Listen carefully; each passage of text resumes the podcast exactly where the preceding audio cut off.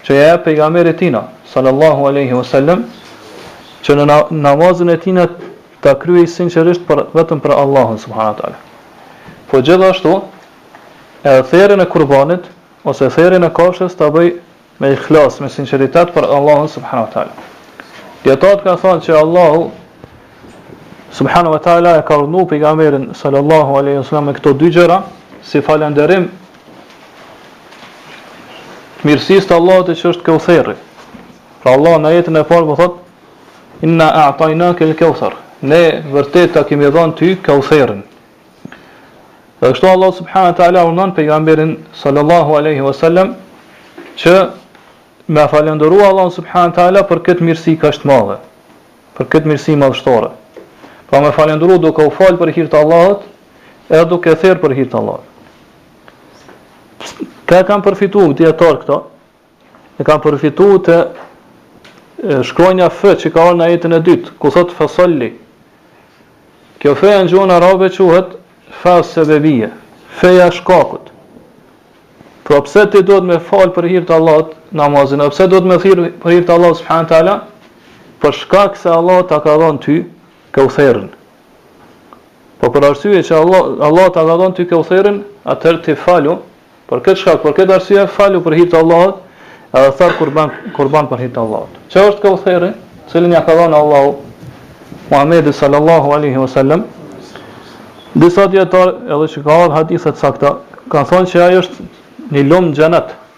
me të cilën Allah e ka veçuar pejgamberin sallallahu alaihi wasallam dhe që është lum që dallon prej gjithë lumenjve të tjerë.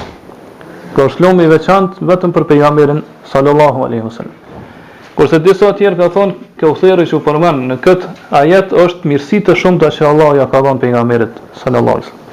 Dhe prej këtyre mirësive është edhe lumi në xhenet që ja ka dhonë. Pra Allahu po thotë për shkak të këtyre mirësive të shumta, për shkak të kësaj dhuntie, për shkak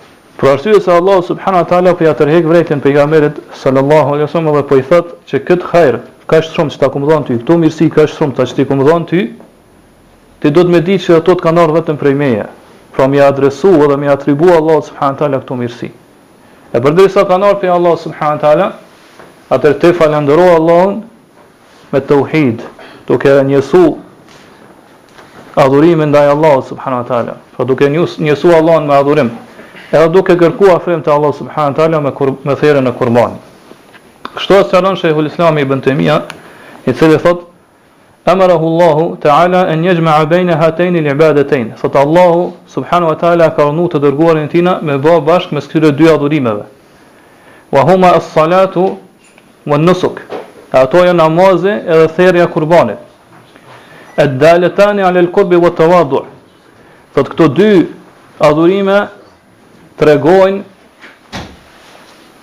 që njeriu duhet të tregohet modest edhe ta shfaqë nevojën e tij për Allahun subhanahu wa taala.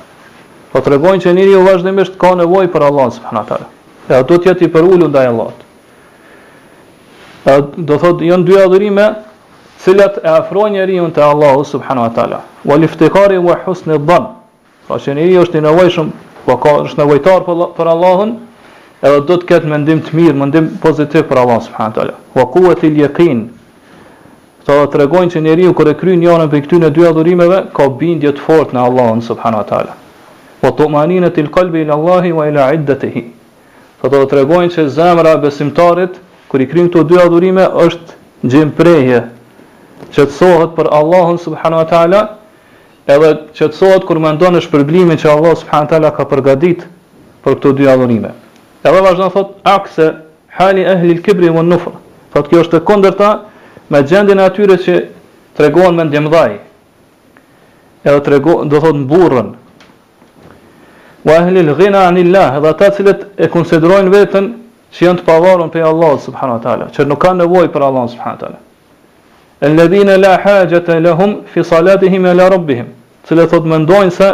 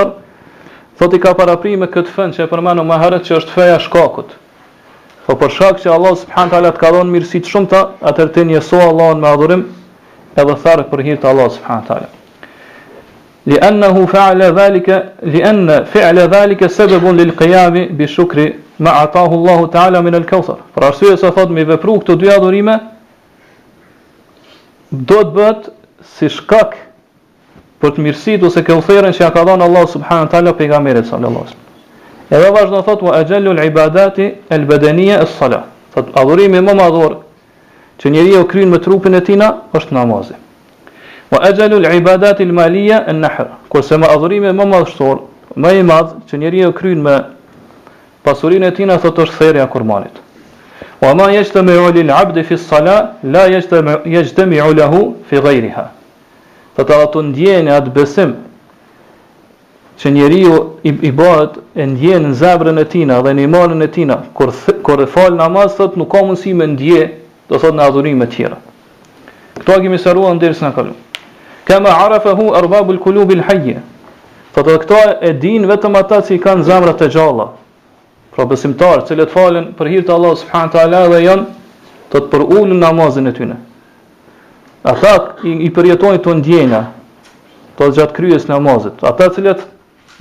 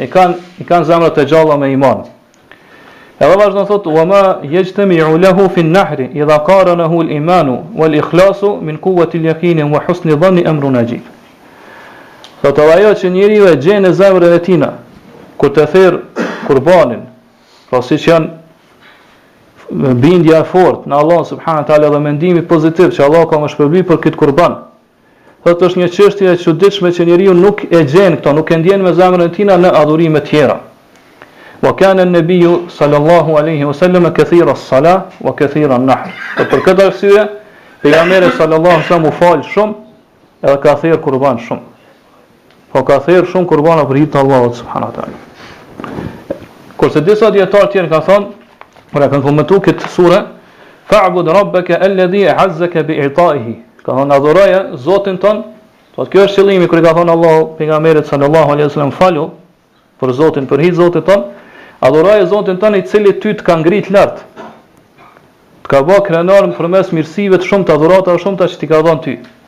Wa sharrafeke wa sanake min minenil khalq, thotë edhe të ka rujtë ty, pra të ka nderu dhe të ka rujtë pi mirësive të njerëzve.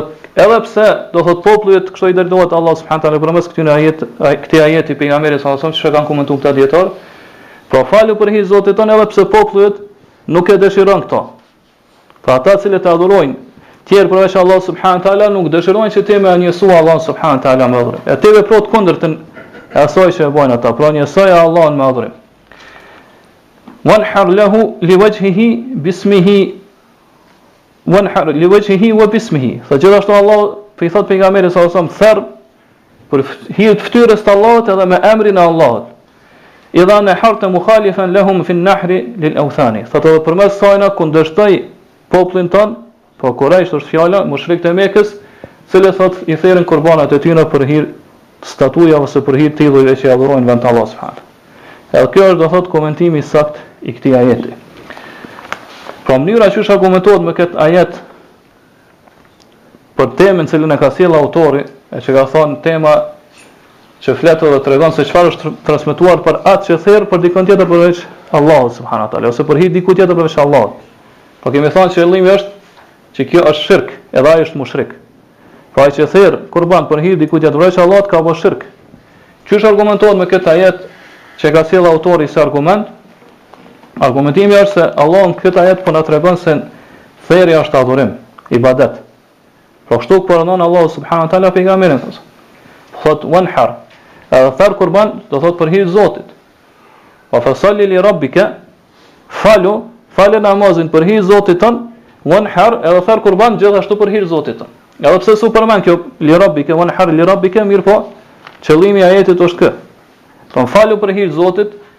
Edhe therr për hir të Zotit.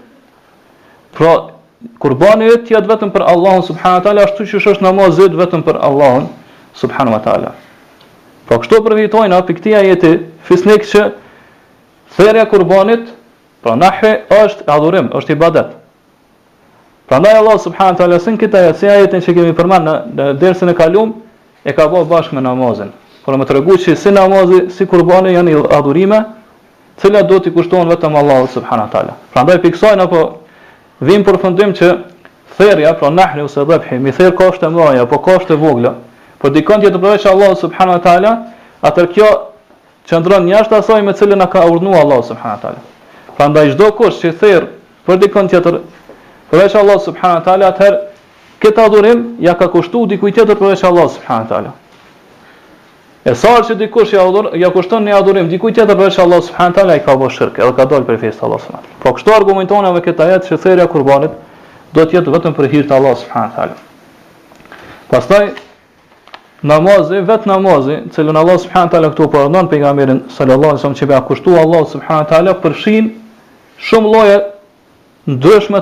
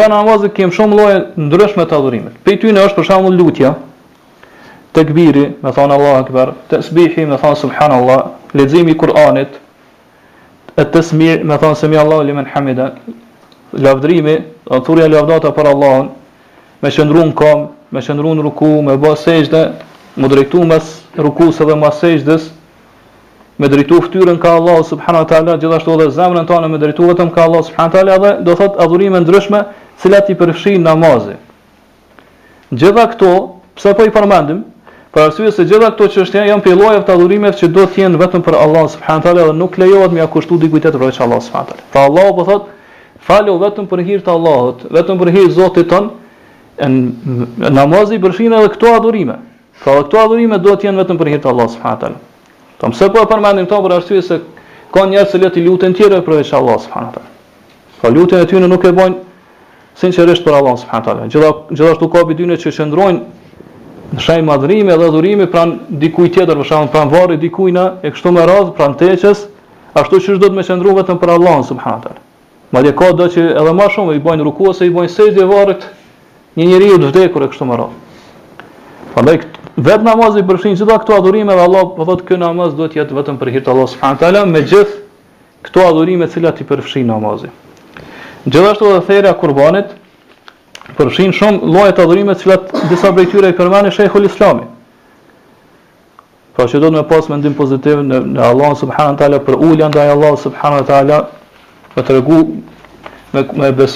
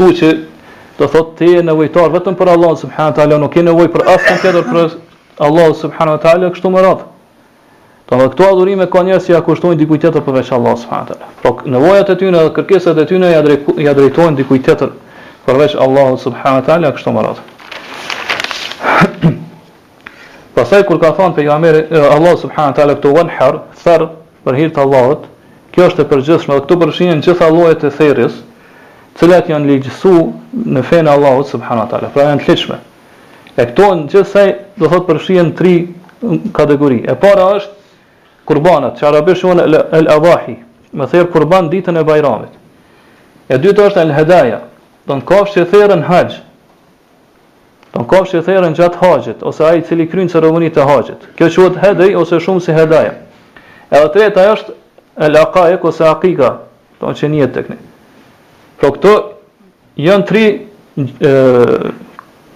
lloje të therrjes që kërkohen për njeriu me i vepru ata. Sa i përket hedjit ose që janë hedaja, prej tyre ka që janë obligim, prej tyre ka që janë mustahab, pra ka vaxhib edhe ka që janë vetëm të preferuar ose të pëlqyeshme. Për shembull, vaxhibi është ai i cili e kryen haxhin e llojit temettu. Pra haxhi i llojit temettu është ai i cili e bashkon umrën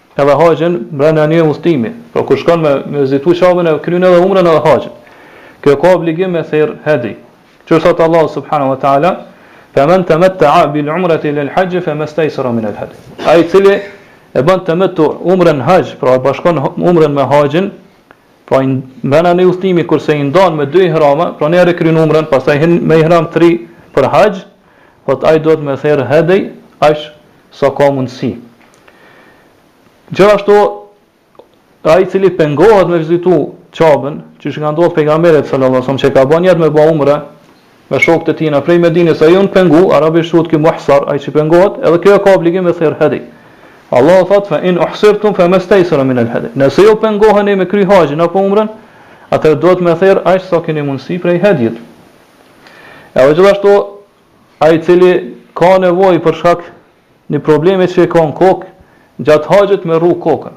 Pra ai i cili është në ihram nuk i lejohet me rru kokën, ose me i shkurtu qimet, flokët, qimet e kokës. Mirëpo nëse është, ka probleme me shëndet edhe i duhet, për shembull siç i ka ndodhur atij sahabiut që ka pas morra, edhe i ka dashtë gjithqysh me rru kokën, atëherë ky duhet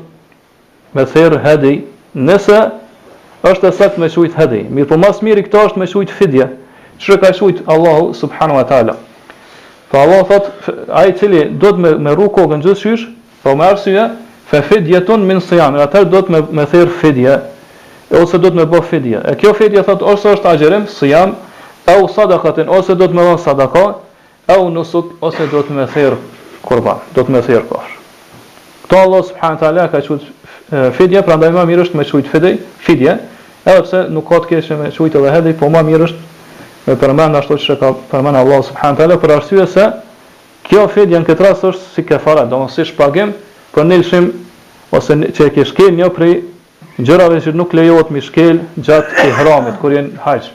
Kurse sa i përket kurbanit, dijetarët kanë, kurbanit të bajramit, pra me therr kurban për për bajram, dijetarët kanë hilaf a është obligim apo jo. Prej tyne ka thonë është obligim, e tjerë kanë thonë që është vetëm e preferuar. Shumica e dijetarëve thonë që therrja e kurbanit në ditën e bajramit, pra kurban bajramit është fjala, është obligim, ë është sunet. Falni. Do të thonë shumica e dijetarëve ka thonë është sunet. Edhe është mekruh, është e papëlqyeshme që njeriu që ka mundësi me therë kurban mos me therë. Kurse te medhhebi i Ebu Hanifes është që therrja e kurbanit është në ditën e Bajramit është obligim. Edhe këtë mendim e ka përzgjedhë edhe Shejhul Islami Ibën Tejmija, Allahu e mëshiroftë. Pastaj duhet me ditë që kurbani në ditën e Bajramit nuk therret në mënyrë të pavarur për të vdekurit. Nuk lejohet. Pra Kurbani në ditën e Bajramit therret për gjalltë, jo për të vdekurit. Sa i përket të vdekurve, atëherë atyre nuk ju nuk nuk ju takon gjallëve me therë Kurban për të vdekurit, kjo nuk është e e ligjësuar, domthonë nuk ka ardhur prej pejgamberit sallallahu alaihi wasallam as prej shokëve të tij. Përveç një përveç dy rasteve që i bëjnë përjashtim dijetarët. Sheh Uthejmini e përmend thotë nëse ai ka lënë amanet, ka lënë vasijet. Ka thënë kur vdes unë me therë kurban, do thotë me paret e mia. Që shpërblimi me shku atij. Atëherë thotë na e therëm kurbanin për me përmbush amanetin. Jo që është e lejuar me therë kurban për vdekt. Ose siç e përmendin dijetar tjerë, kur të therë kurbanin, duhet me therë për vete s'pari, me bën niyet për veten tonë, për familjen tonë nëse don që janë gjallë, e në këtë niyet Do thotë me me me shti edhe dikon prej të vdekurve, babën, nënën, gjyshin e kështu me radhë. Mirëpo nuk lejohet në mënyrë të pavarur me therr vetëm për të vdekurt. Kjo nuk u transmetu prej Pejgamberit sallallahu alejhi ve selem as prej shokëve t'tina. Pastaj vjen është akika e cila është me therr kurban për fëmin që ta ka falë Allahu subhanahu wa taala. Edhe kjo bëhet në ditën e shtatë.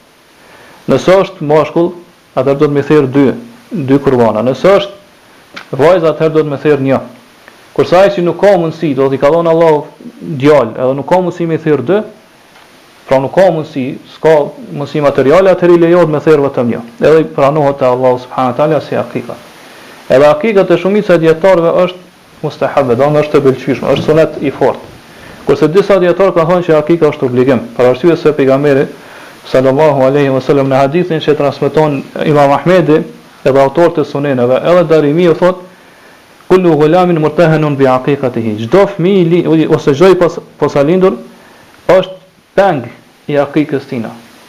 Pra derisa të therrë akikën për të ai nuk lirohet, është peng i akikës tina, kështu që këta dijetarë kanë thënë që prej kësaj na përfitojna që akika është obligim. Mirëpo, mendimi më i saktë është që ajo është vetëm e preferueme, do të thotë është sunet, sunet i fortë, edhe kjo është mendimi i shumicës dijetarëve.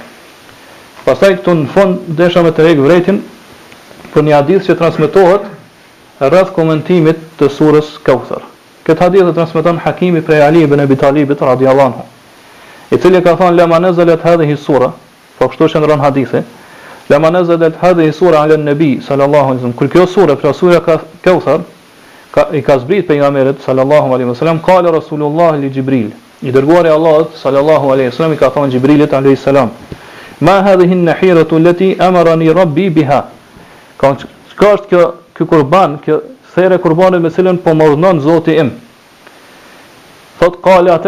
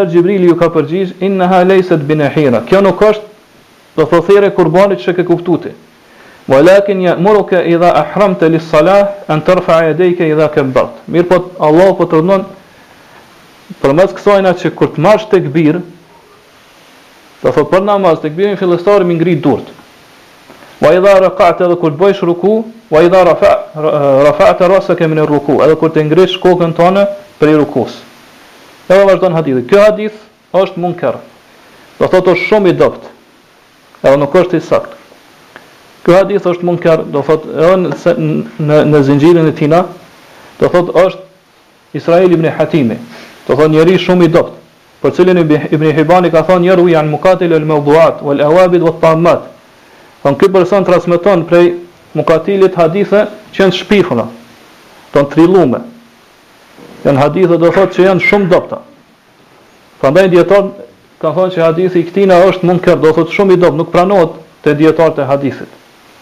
Edhe e përmend pastaj Ibn Hatimi kët hadith që e transmeton për tefsirin e surës El Kawthar. Thot ky është një prej haditheve të shpifura që ai e transmeton prej pejgamberit sallallahu alaihi wasallam. Domethën hadithi është i dobt edhe nuk lejohet do thotë me komentu surën Kawthar përmes këtij hadithi. Ibn Kathiri Gjatë komentimit surës Kewthar, përmend se qëllimi çka është me therjen e kurbanit, në këtë ajet i përmend disa mendime. Thotë pi, pi këtyne mendime është se disa kanë thënë që qëllimi me wanhar, pra kemi thënë nahr është me therë kafshë të mëdha dhe kafshë të mëdha zakonisht therën këtë pjesën këtu, do thotë që është në fund fytit ose tek abzherri, Kjo është quhet nahr në arabisht. Kanë thonë qëllimi me nahr këtu është mi vendos durt në namaz te kjo pjesa këtu nalt. Kjo është një mendim që e sjell Ibn Kathiri në në tefsirin e tij. Thot kurse disa të tjerë kanë thënë që qëllimi është mi ngri durt çdo çdo tekbir në namaz. Edhe pastaj thotë që E transmeton këtë hadithin e Xhibrilit prej Ali ibn Ebi Talibit, të cilën do të thotë e transmeton përmes Ibn Ebi Hatimit, që do thotë Aliu ka thënë kështu edhe transmeton këtë hadith prej Pejgamberit sallallahu alaihi wasallam, mirëpo thamë që hadithi është i dobët. Gjithashtu thotë që disa kanë thënë se qëllimi me nahr këtu është, pra me bë nahr,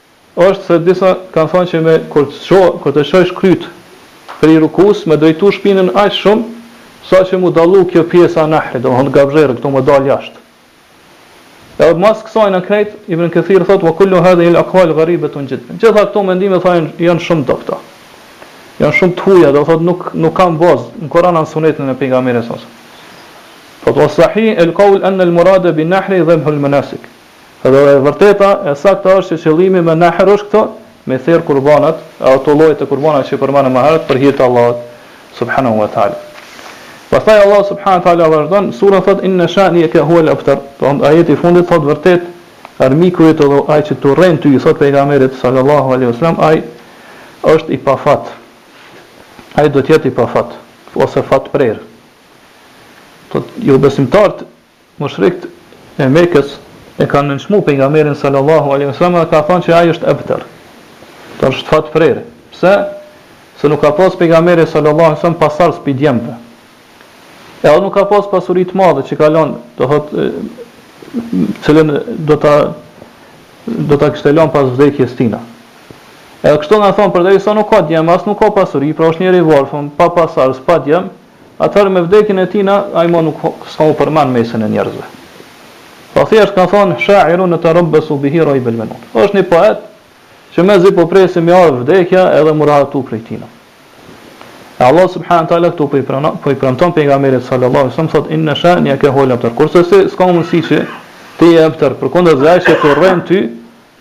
Ai është fatprerë.